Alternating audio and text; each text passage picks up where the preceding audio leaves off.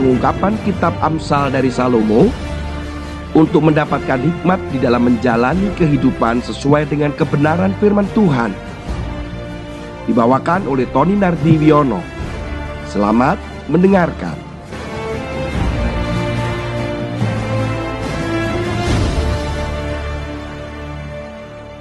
Shalom Bapak Ibu Saudara sekalian. Mengapa kitab Salomo ini rindu saya bagikan dan kita gali dan kita renungkan serta kita belajar untuk melakukan setiap hari. Kitab Salomo ini sebagian besar memang ditulis oleh Salomo namun merupakan kumpulan-kumpulan dari kata-kata bijak Salomo yang kita jelas pasti tahu dan kenal bahwa Salomo adalah seorang raja yang terkenal dengan hikmatnya. Sampai-sampai Ratu Sheba pun dari daerah Afrika pun bisa datang mengunjungi untuk mendengar, melihat apa yang dikerjakan dan apa yang diucapkan serta tindakan Salomo selama dia memerintah. Kumpulan-kumpulan Amsal ini dikumpulkan kurang lebih 300 sampai 400 tahun setelah Salomo meninggal. Dan ternyata di dalam kumpulan-kumpulan itu juga terdapat kumpulan-kumpulan lain dari Amsal atau kata-kata bijak yang ditulis oleh beberapa orang bijak. Nah, di antaranya adalah oleh Agur dan Lemuel. Diperkirakan Amsal ini diucapkan oleh Salomo di awal-awal pemerintahannya dia. Luar biasa sekali kalau kita melihat bahwa kitab Amsal itu adalah kumpulan tidak hanya Amsal tetapi ternyata di dalam Alkitab Ibrani yang dikenal sebagai Keturim itu kitab-kitab hikmat termasuk di dalamnya Amsal, pengkhotbah, kemudian Ayub, Kidung Agung. Nah, yang paling banyak kita bahas adalah di Amsal pada seri ini. Apa tujuannya? Tujuannya adalah bagaimana kita untuk mengetahui hikmat, didikan, menerima didikan, kita menjadi pandai serta benar, adil, jujur, memberi pengetahuan serta kebijaksanaan untuk kita bisa hidup lebih saleh. Kita hidup ini mengalami berbagai tantangan. Apa yang membuat kita bisa berperilaku, kita berbicara, kita bertindak, kita bersikap, pasti ada dasar-dasar yang mendasari perilaku sikap kita itu. Sebenarnya berangkat dari nilai. Apa nilai-nilai yang kita percayai, apa nilai-nilai yang berlaku di budaya di lingkungan kita. Kemudian ketika nilai-nilai itu semakin kuat dan menjadi sebuah kesepakatan yang diyakini menjadi prinsip. Nah, prinsip inilah yang akhirnya menjadikan sebagai dasar untuk sering kali kita melakukan tindakan-tindakan di dalam hidup ini. Kalau nilai dan prinsipnya salah, maka kita akan bertindak dengan salah. Kalau prinsipnya benar dan nilainya benar, maka kita juga bisa melakukan dengan benar. Nilai bersifat subjektif atau pribadi atau personal, sementara prinsip ini adalah sifatnya sudah pakem. Artinya yang diyakini dan dibuktikan itu prinsip. Apa yang kita jalani ini berdasarkan kedua hal itu. Sebagai contoh, ketika saya punya nilai karena latar belakang saya dari keturunan Tionghoa, ada nilai-nilai di situ yang ditanamkan oleh orang tua saya. Misalkan adalah nilai-nilai kebersamaan untuk saling menghormati yang lebih tua. Ketika itu saya percayai dan yakini dan dibuktikan itu menjadi prinsip yang saya pegang bahwa hidup bersama-sama saling menghormati yang lebih tua dengan saudara-saudara juga itu yang akhirnya menjadi apa yang saya lakukan. Kebetulan hal itu baik. Tetapi apabila nilai itu salah, maka apa yang saya lakukan menjadi prinsip yang salah juga. Nah, Salomo rindu bahwa melalui tulisannya yang dia dapatkan dari Tuhan dan menjadi pemahamannya dia dari satu pengalaman demi pengalaman, kita benar-benar menjadikan firman yang ada di dalamnya adalah hikmat itu sendiri, itu menjadi nilai dan prinsip hidup kita. Saudara, kita akan buka pertama di dalam Amsal pasal yang pertama ayat yang ke-1 sampai dengan ayat yang keempat. Amsal-amsal Salomo bin Daud Raja Israel untuk mengetahui hikmat dan didikan, untuk mengerti kata-kata yang bermakna, untuk menerima didikan yang menjadikan pandai, serta kebenaran, keadilan, dan kejujuran, untuk memberikan kecerdasan kepada orang yang tak berpengalaman dan pengetahuan, serta kebijaksanaan kepada orang muda jadi tujuan dari penulisan kitab Amsal ini sudah dijelaskan pada ayat yang kedua dan tiga serta empat.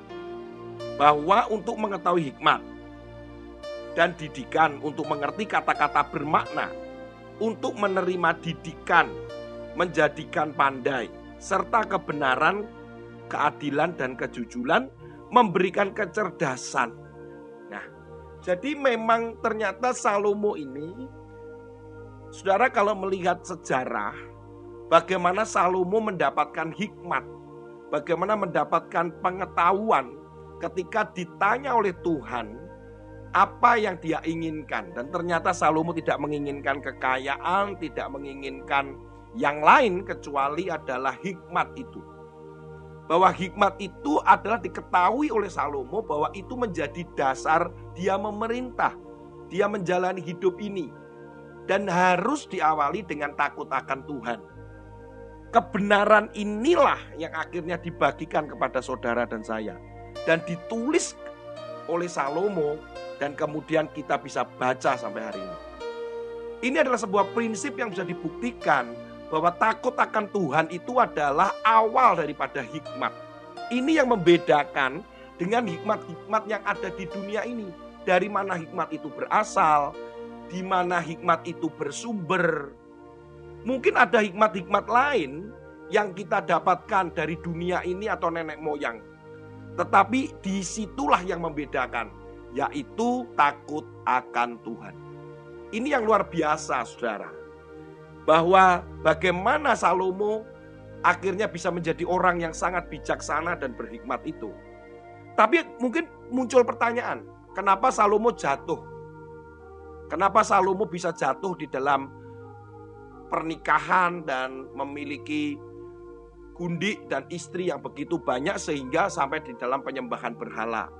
Dan akhirnya terjadilah peristiwa pecahnya kerajaan menjadi dua. Saudara ingat, Salomo sendiri pernah menulis bahwa takut akan Tuhan itu adalah awal daripada hikmat atau pengetahuan. Nah, Salomo sudah tidak takut akan Tuhan. Itu masalahnya. Nah, itu yang membuat akhirnya dia menjadi kurang berhikmat di dalam mengambil keputusan sehingga dia mulai jatuh di dalam penyembahan berhala yang mengakibatkan sesuatu yang fatal yaitu kerajaannya terbagi menjadi dua. Nah, saudara, saya tidak akan berkutat pada sejarah itu, tetapi faktanya bahwa hikmat ini benar-benar menuntun Salomo untuk menjadi orang yang bijaksana dengan diawali takut akan Tuhan. Kepada siapa sebenarnya hikmat ini diberikan atau diperuntukkan? Dan dikatakan di pada ayat yang keempat, dikatakan bahwa kepada orang yang tak berpengalaman, saudara.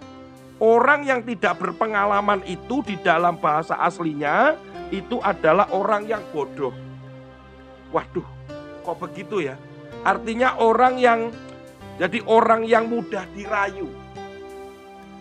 Dan kenapa hikmat itu kok diperuntukkan kepada mereka? Yang pertama karena memang mereka memerlukan untuk menjadi pintar. Mereka untuk menjadi lebih bijak.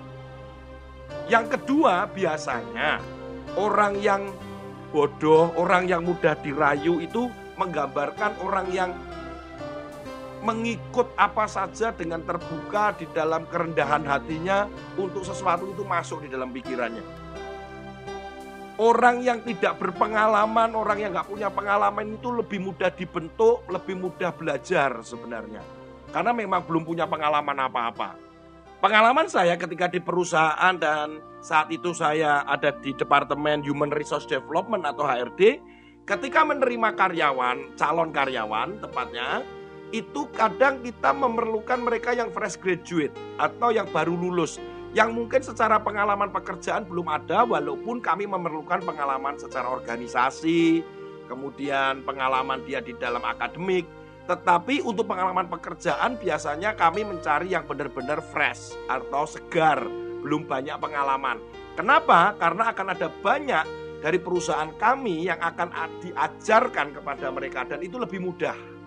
Dibandingkan yang punya banyak pengalaman yang akhirnya sulit, sulit mengikuti budaya perusahaan, sulit mengikuti nilai-nilai, visi perusahaan pun menjadi sulit. Kadang terjadilah sok pinter, sehingga sulit untuk bisa bekerja sama juga dengan karyawan yang lain. Tetapi untuk posisi-posisi tertentu di mana perusahaan itu ingin melakukan perubahan, mereka yang berpengalaman lah yang kami perlukan. Tetapi dalam hal ini bahwa sering kali orang yang tidak berpengalaman itu yang dimaksudkan adalah orang ini mudah belajar. Dan kemudian dikatakan juga di pada ayat yang keempat bahwa ada ditujukan kepada orang muda. Saudara yang tidak merasa muda jangan kemudian berkata bahwa oh Amsal ini bukan untuk saya, bukan. Orang muda ini adalah gambaran dari orang yang masih memerlukan sebuah pengetahuan, memerlukan hikmat di dalam menjalani kehidupan ini. Karena anak muda ini dia membutuhkan bekal, membutuhkan prinsip. Karena apa yang harus dijalani ke depan akan lebih banyak dan lebih sulit. Jadi anak muda itu gambaran daripada orang yang masih haus dan memerlukan sebuah prinsip-prinsip kebenaran untuk menjalani kehidupan. Saudara pesan pesan pada hari ini adalah lebih kepada bagaimana kita mau membuka diri kita untuk kita bisa menerima hikmat itu, firman itu.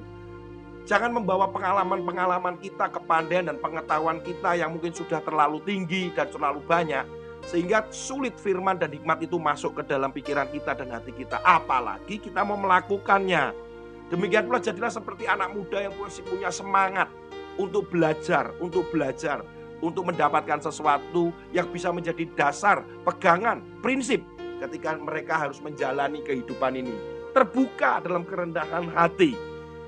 Dan kita akan menikmati hikmat yang adalah firman itu sendiri setiap hari. Nikmatilah hikmat itu, nikmatilah firman yang dituliskan Salomo. Dan terbukalah hatimu dalam kerendahan hati juga untuk mendapatkannya, untuk belajar dan belajar, belajar, serta melakukannya. Tuhan Yesus memberkati.